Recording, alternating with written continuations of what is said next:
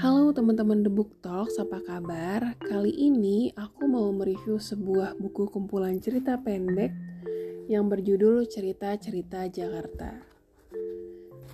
Buku ini pertama kali diterbitkan sebagai The Book of Jakarta, A City in Short Fiction di Britania Raya pada tahun 2020 oleh Koma Press.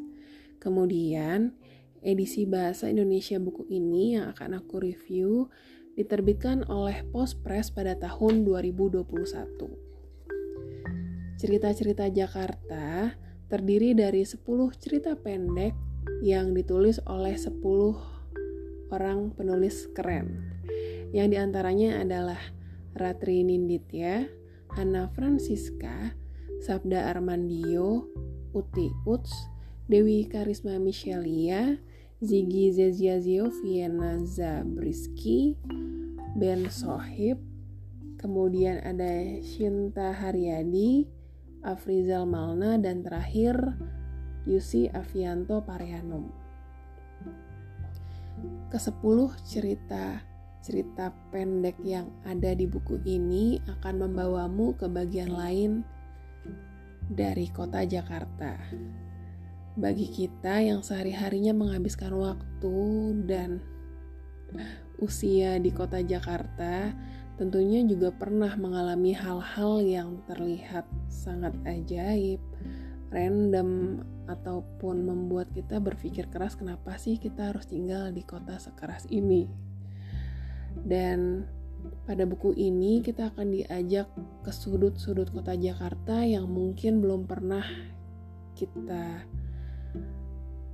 lewati atau bahkan ada beberapa cerita yang terlihat relate sekali dengan kehidupan kita sehari-hari karena kita pernah merasa berada di posisi yang sama ataupun pernah menjadi tokoh di buku ini.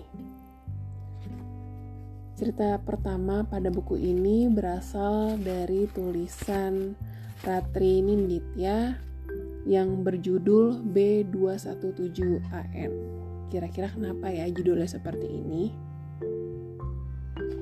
Ternyata cerita ini mengisahkan seorang perempuan yang keesokan harinya akan menikah, tapi di malam terakhirnya melajang, ia malah bertemu dengan mantan kekasihnya.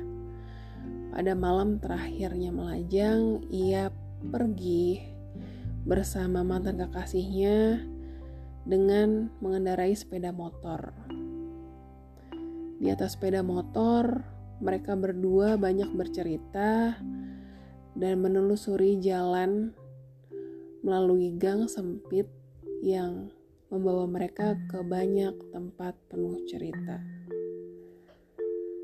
Di dalam perjalanannya, mereka menemukan banyak hal Sebagian adalah nostalgia satu sama lain dan pada akhirnya mereka memulai cerita baru yang kalian sendiri tidak akan menyangka seperti apa endingnya.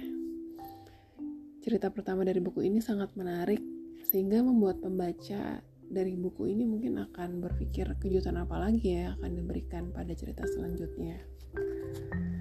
Kemudian ada juga cerita mengenai kondisi di kantor pemerintahan, uh, khususnya di kantor imigrasi yang uh, terdapat di cerita berjudul Aromatrasi oleh Hana Francisca. Pada cerita tersebut, dikisahkan ada seorang perempuan yang ingin memiliki paspor dan dalam mengurus paspornya ia menemukan beberapa kesulitan yang mengakibatkan ia harus berkompromi kepada orang-orang yang berada di uh, wilayah tersebut agar perjalanan pemrosesan paspornya menjadi lebih mudah. Dan terdapat hal-hal lucu dan sedikit menggelikan saat uh, si perempuan ini mengajukan paspornya. Cerita ini sangat menarik. Kemudian ada juga cerita yang berjudul Rahasia dari Keramat Tunggak.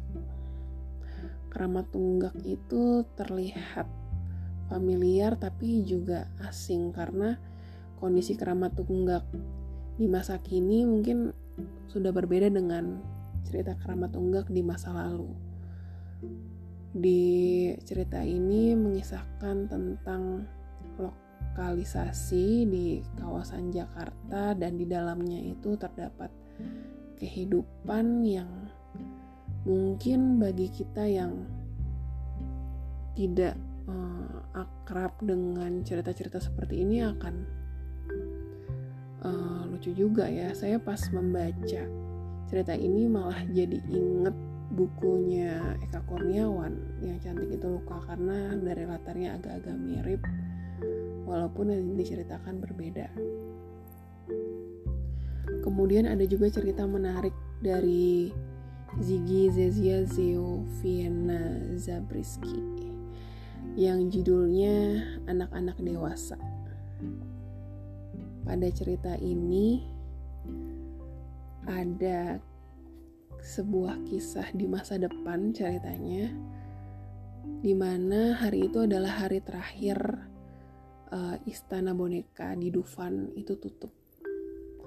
Dan bagaimana orang-orang tua ingin menikmati Dufan untuk terakhir kalinya. Itu uh, menurutku sebuah ide yang menarik banget. Karena aku pun nggak pernah kepikiran ya gimana ya kalau misalnya salah satu tempat hiburan yang paling populer di Jakarta tiba-tiba tutup gitu. Apakah orang-orang akan sedih atau malah biasa aja atau nanti ke depannya bakal banyak uh, tempat wisata baru yang lebih seru daripada Dufan. Ya cerita ini mengisahkan tentang sesuai judulnya ya anak-anak dewasa. Karena tokoh-tokohnya adalah orang-orang dewasa yang berlaku seperti anak-anak dalam menyambut tutupnya uh, dunia fantasi. Kemudian ada juga cerita yang berjudul Pengakuan Teater Palsu. Cerita ini berlatar di uh, depan deretan toko di daerah Cikini karena tentunya di Cikini kan ada tam teat Taman Ismail Marzuki ya, tempat pertunjukan teater dan di sana dibuatlah sebuah cerita tentang orang-orang yang mengaku uh, mengakunya sebagai aktor. Tapi ternyata palsu. Cerita ini lebih bersifat ironi bagi orang-orang yang mungkin saat ini juga berada di kondisi yang sama. Mereka berusaha berperan menjadi orang lain tapi mereka tidak mengenali dirinya sendiri dan cerita lain yang cukup menarik perhatian adalah cerita ke-10 yang berjudul Suatu Hari Dalam Kehidupan Seorang Warga Depok yang Pergi ke Jakarta. Dengan berlatarkan taksi, kemudian juga kendaraan umum, di sini penulis menceritakan bagaimana perjalanannya ber, perjalanannya bertemu dengan supir taksi kemudian juga dengan orang-orang di jalan uh, dengan cerita-cerita mereka dan uh, bagaimana mereka menilai seseorang dan berusaha membuka obrolan dengan penumpangnya. Dan di situlah cerita juga dimulai. Dari ke 10 cerita ini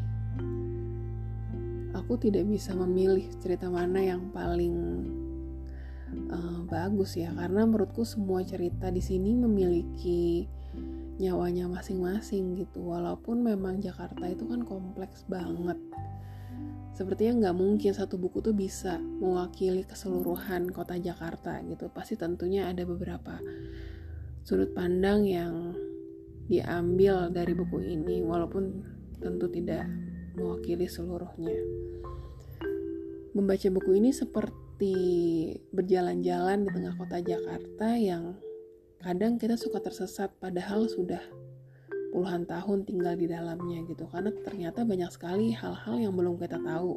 Bahkan dari buku ini aku juga jadi um, mikir lagi oh iya ya Jakarta di masa depan tuh kayak gimana ya? Bener gak sih Jakarta tuh bakal banjir hebat ketika nanti ada kendaraan listrik kemudian tiba-tiba banjir hebat di daerah Semanggi terus kendaraan listriknya bakal bingung harus gimana muter balik atau gimana karena misalnya kehabisan uh, kehabisan bahan bakar di masa depan itu seperti ada di salah satu ceritanya yang berjudul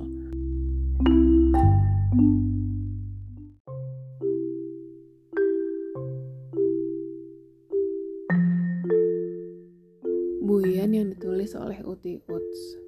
Aku merekomendasikan kalian untuk membaca buku ini karena cita-cita Jakarta akan membuatmu berhenti sejenak di tengah kesibukan harianmu di kota Jakarta yang tiap hari rasanya ingin membuat terus-terusan berkeluh kesah.